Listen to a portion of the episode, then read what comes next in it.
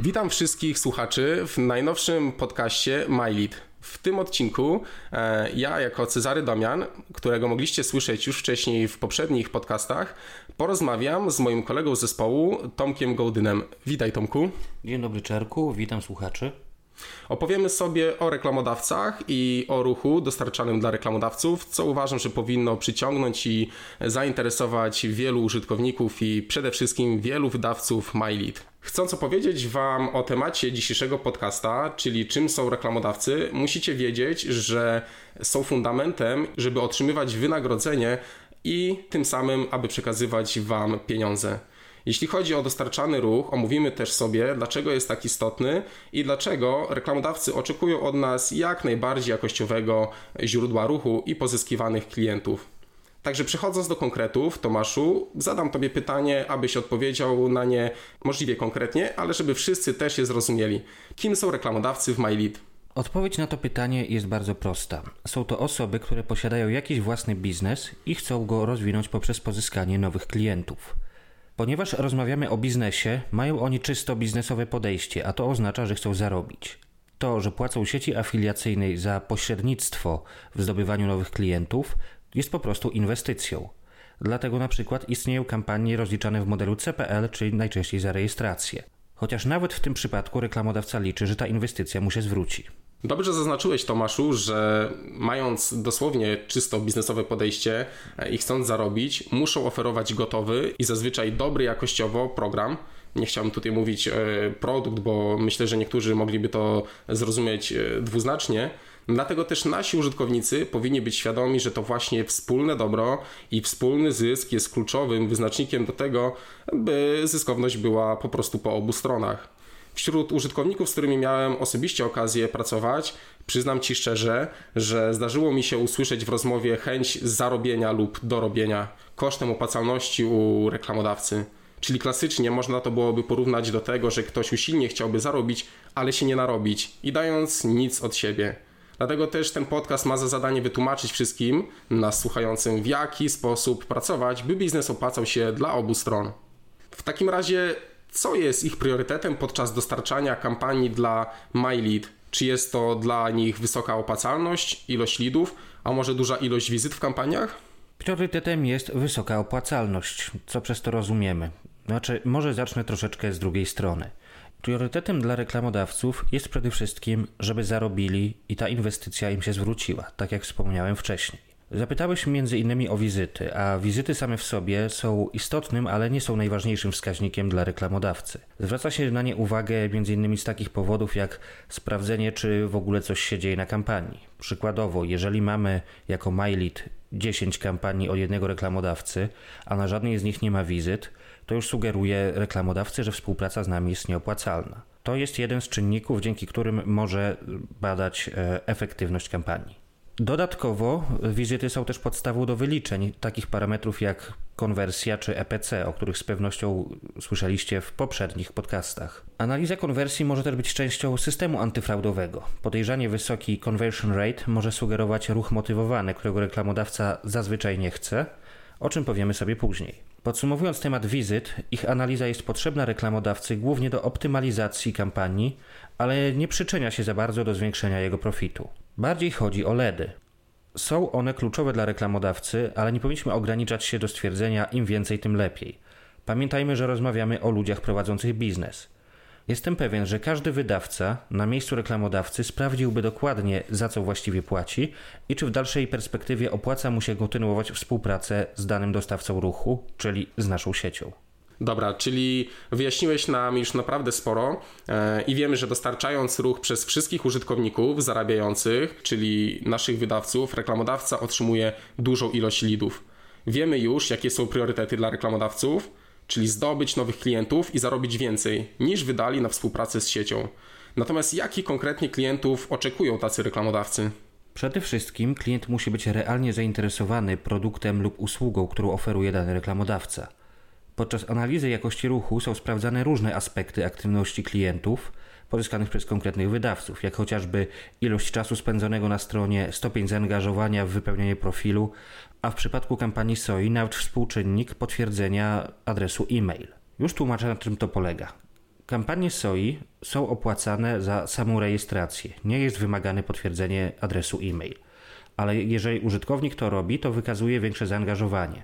Więc przykładowo, jeżeli wydawca pozyska 100 klientów, którzy założą konto i z tego tylko 10 potwierdzi adres e-mail, jest to bardzo niski procent potwierdzeń i nie wskazuje to na to, żeby klienci byli faktycznie zainteresowani dłuższym pozostaniem na serwisie reklamodawcy. Dlatego, mimo że nie jest to kampania DOI, jest to bardzo ważny aspekt. Kontynuując wątek kampanii SOI, a właściwie ogólnie kampanii CPL, na samych rejestracjach, czyli tzw. Tak pustych kontach, reklamodawca nic nie zarobi. Klienci powinni być zainteresowani wykupieniem konta premium, bo to z tego przychodu, który reklamodawca zarobi na koncie premium, są opłacane LEDy CPL. Powiedzieliśmy sobie już trochę o ruchu, który otrzymuje reklamodawca. Czasami są to dosłownie nawet miliony wizyt w skali miesiąca. Ale o jakość ruchu musi zadbać wydawca. Więc powiedz mi, Czarku, jako nasz oficjalny mentor, jak wydawca może sprawić, że dostarczany ruch będzie wysokiej jakości? Okej, okay, odpowiadając na Twoje pytanie, w ogóle zacznę od tego, że my jako wydawcy mamy wpływ na jakość dostarczanego ruchu. Oczywiście uważam też, że do reklamodawcy należy zadanie, by jednak zatrzymać użytkownika na jego serwisie. Niemniej jednak od reklamy, czyli od nas, wydawców, którzy ją wydajemy, bo można tak odpowiedzieć w uproszczeniu, uzależnione jest podejście klienta i jego dalsza motywacja do korzystania z wybranego serwisu i wybranej kampanii afiliacyjnej. Wspomnę tutaj o tym, że wpływamy podczas reklamy na użytkownika już po samej stronie miejsca promocji, czyli no tutaj określając i domniemając wiek, zamiary czy samo zainteresowanie użytkownika. Świetnym przykładem jest tutaj też porównanie chociażby TikToka, gdzie zrzesza w większości osoby młode i porównując do tego Twittera, który jest uważam nieco dla osób starszych. Oba serwisy będą mediami społecznościowymi, jednak jako osoby zajmujące się marketingiem wiemy i domyślamy się, że ruch z obu platform będzie się diametralnie różnił. Wpływamy również na klienta tekstami reklamowymi, tutaj w dużej mierze mm, określając i zachęcając do danego działania wybranej kampanii afiliacyjnej. Pilnować się jednak powinniśmy, żeby nie doszło do złamania restrykcji, które określone są jasno w opisie kampanii danego reklamodawcy. Wspomnieć tutaj na pewno należy przede wszystkim o ruchu motywowanym, z którym niejednokrotnie nasi użytkownicy potrafili mieć problemy. Zdecydowany wpływ również ma wygląd utworzonej strony internetowej i miejsca docelowego, czyli możemy to też określić jako landing page, mówiąc bardziej w gwarze marketingu, czyli w miejscu, w którym zamieścimy przekierowanie naszego ruchu e, i naszych klientów. Wymienić tu można na pewno e, batony, pop-upy, odnośniki w tekście itd. Tak Często też znaczący wpływ mają same grafiki. Ludzie są oczywiście wzrokowcami, więc w przypadku wielu kampanii to głównie treści graficzne lub treści wideo wpłyną na podjętą decyzję i to w jaki sposób klient skorzysta z promowanego serwisu reklamodawcy. Starać powinniśmy się uwzględniać wiele czynników Oczywiście powiem szczerze, że na samym początku warto przemyśleć to powierzchownie. Jednak w przypadku, gdy dostajemy ostrzeżenie od reklamodawcy, a tak też może się wydarzyć, powinniśmy zwrócić uwagę na każdy najmniejszy szczegół współpracy i reklamy. Czarku, jesteś mentorem i masz do czynienia z różnymi wydawcami. Opowiem teraz trochę o roli sieci afiliacyjnej w kontroli jakości ruchu, żeby dostarczyć jak najlepsze wyniki reklamodawcy. Zacznijmy od tego, jak MyLead wygląda na tle innych sieci. Są różne rodzaje sieci afiliacyjnych i wiele z nich jest skupione na jednym konkretnym profilu. Są sieci, które oferują jedynie kampanie finansowe, są takie, które zajmują się tylko kampaniami randkowymi, a inne działają wyłącznie na konkursach. MyLead jest siecią uniwersalną i można znaleźć u nas oferty z niemal każdej tematyki. Ale jest jeszcze jeden aspekt. Większość innych sieci, zwłaszcza zagranicznych, już na samym początku robi odsiew wydawców na podstawie ich doświadczenia, już na etapie rejestracji. Działa to trochę jak rozmowa kwalifikacyjna. Jeżeli wydawca nie ma odpowiedniego doświadczenia, umiejętności i potwierdzonych wyników, to jego kandydatura zostanie odrzucona i nie będzie mógł się nawet zalogować. A jest to spowodowane bardzo prostą kwestią. Kiedy reklamodawca szuka firmy mającej mu pomóc w reklamie, chce zminimalizować ryzyko straty. Dlatego takie sieci w trosce o jak najwyższą jakość ruchu przyjmują tylko najbardziej perspektywicznych wydawców, przez co mają ich niewielu. Zazwyczaj kilkuset wydawców, ale za to profesjonalistów. Z kolei MyLead jest siecią edukacyjną. Przyjmujemy każdego, dlatego mamy już ponad pół miliona zarejestrowanych wydawców. Każdy wydawca może się zarejestrować, uzyskać dostęp do podstawowych kampanii, ale co ważniejsze, mogą skorzystać z naszego szerokiego zaplecza szkoleniowego. Zaczynając od artykułów na naszym blogu, poprzez materiały szkoleniowe na YouTube, aż po ten podcast, czy Twoje czarku usługi mentorskie. To wszystko czyni nas innymi od pozostałych sieci i wymusza na nas większą dbałość o jakość ruchu. Tak wygląda rynek i chciałbym zwrócić uwagę na to, że my jako sieć musimy się sporo nagimnastykować, żeby przy takiej ilości wydawców zdobyć i utrzymać zaufanie reklamodawcy. A żeby współpraca afiliacyjna przebiegała sprawnie, musimy zadbać o poszanowanie interesów każdej strony w imię zasady win-win-win. Dlatego też staramy się nauczyć naszych wydawców wszystkiego, co potrzebne, aby zostać pro-earnerem, w tym biznesowego postrzegania afiliacji. Tomku, wspomnieliśmy, że w większości możemy wpływać na dostarczany ruch. Pytanie jednak, co w przypadku, gdy reklamodawca otrzymuje ruch, który zakłada, że dostarczone osoby będą opłacalne? Dobrym przykładem jest kampania Aerodate płacąca ponad 5 zł za rejestrację w ich serwisie bez konieczności potwierdzenia maila w wersji oczywiście 1.0. Jak działa reklamodawca w takim przypadku, estymując, że jego klienci dostarczani przez wydawców MyLead będą opłacalni? Dobrze, Czarku, że przywołałeś przykład akurat Aerodate, gdyż z nimi działamy już od dobrych kilku lat i wypracowaliśmy sobie sprawny model działania. Co tydzień reklamodawca dzieli się z nami komentarzem na temat jakości ruchu poszczególnych wydawców. Jeżeli jakość jest po prostu taka sobie i nie opłaca się reklamodawcy, dajemy danemu wydawcy tydzień albo dwa na poprawę ruchu. Głównie chodzi o ilość sprzedaży. W niektórych przypadkach da się ten okres wydłużyć, ale jest to kwestia bardzo indywidualna. Jeżeli nie uda się przyprowadzić lepszych klientów, niestety musimy odebrać wydawcy dostęp do tej kampanii. Na pocieszenie dodam, że zazwyczaj LEDy pozyskane w ten sposób są opłacane, gdyż Aerodate ma to wpisane w ryzyko prowadzenia kampanii. Z drugiej strony zdarzają się przypadki, że w cotygodniowym feedbacku otrzymujemy prośbę o natychmiastowe odcięcie wydawcy i odrzucenie jego LEDów. Zazwyczaj tak się dzieje w przypadku, gdy klient końcowy nie tylko nie jest zainteresowany serwisem Aerodate, ale zwyczajnie, kolokwialnie rzecz mówiąc, robi sobie z nich jaja. Przykładowo, zamiast swojego zdjęcia wrzuca na profilówkę mem z Quake'a albo screenshot z filmu Shrek. Podobnie jest, jeśli duży procent klientów zaloguje się tylko raz i nigdy więcej na stronę nie powróci. Postawmy się w butach reklamodawcy, który nie uruchamia kampanii, by sypać pieniędzmi na prawo i lewo, tylko chce zarobić i podzielić się zyskiem z tymi, co mu pomogli ten zysk wypracować. Dlaczego miałby płacić za Shreka? No i spójrzmy na stawkę Aerodate na tle innych kampanii tego typu.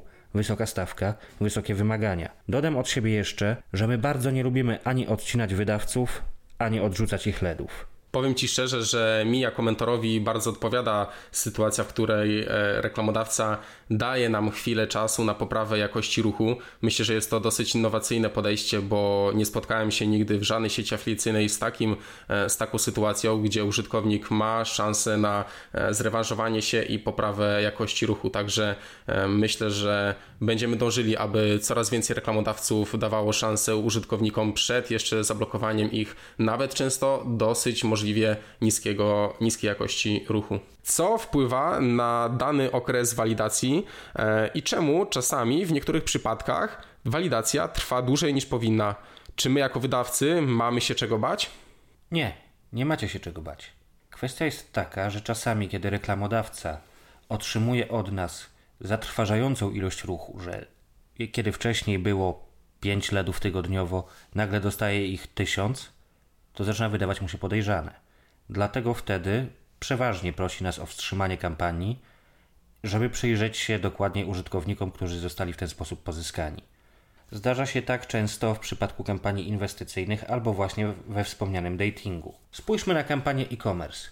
Prawo gwarantuje klientowi możliwość zwrotu towaru bez podania przyczyny w określonym terminie.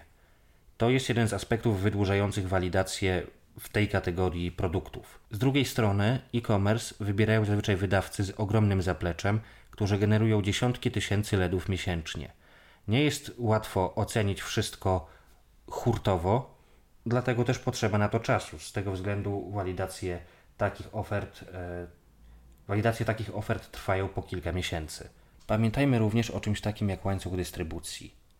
Nie wszystkie kampanie dostępne w MyLead mamy bezpośrednio od reklamodawcy.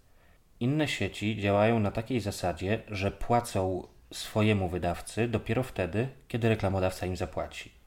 My w MyLead płacimy wydawcom z własnej kieszeni zanim dostaniemy prowizję od reklamodawcy. Jednak jeżeli spojrzymy na łańcuch dystrybucji, główny reklamodawca musi zapłacić naszemu dostawcy.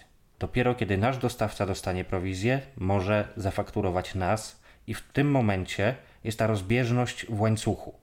Polega to na tym, że my w momencie, kiedy mamy zatwierdzoną jakość ruchu, mamy zatwierdzone LEDy, akceptujemy je wydawcom i umożliwiamy wypłatę, a sami czekamy na to, aż reklamodawca nam zapłaci.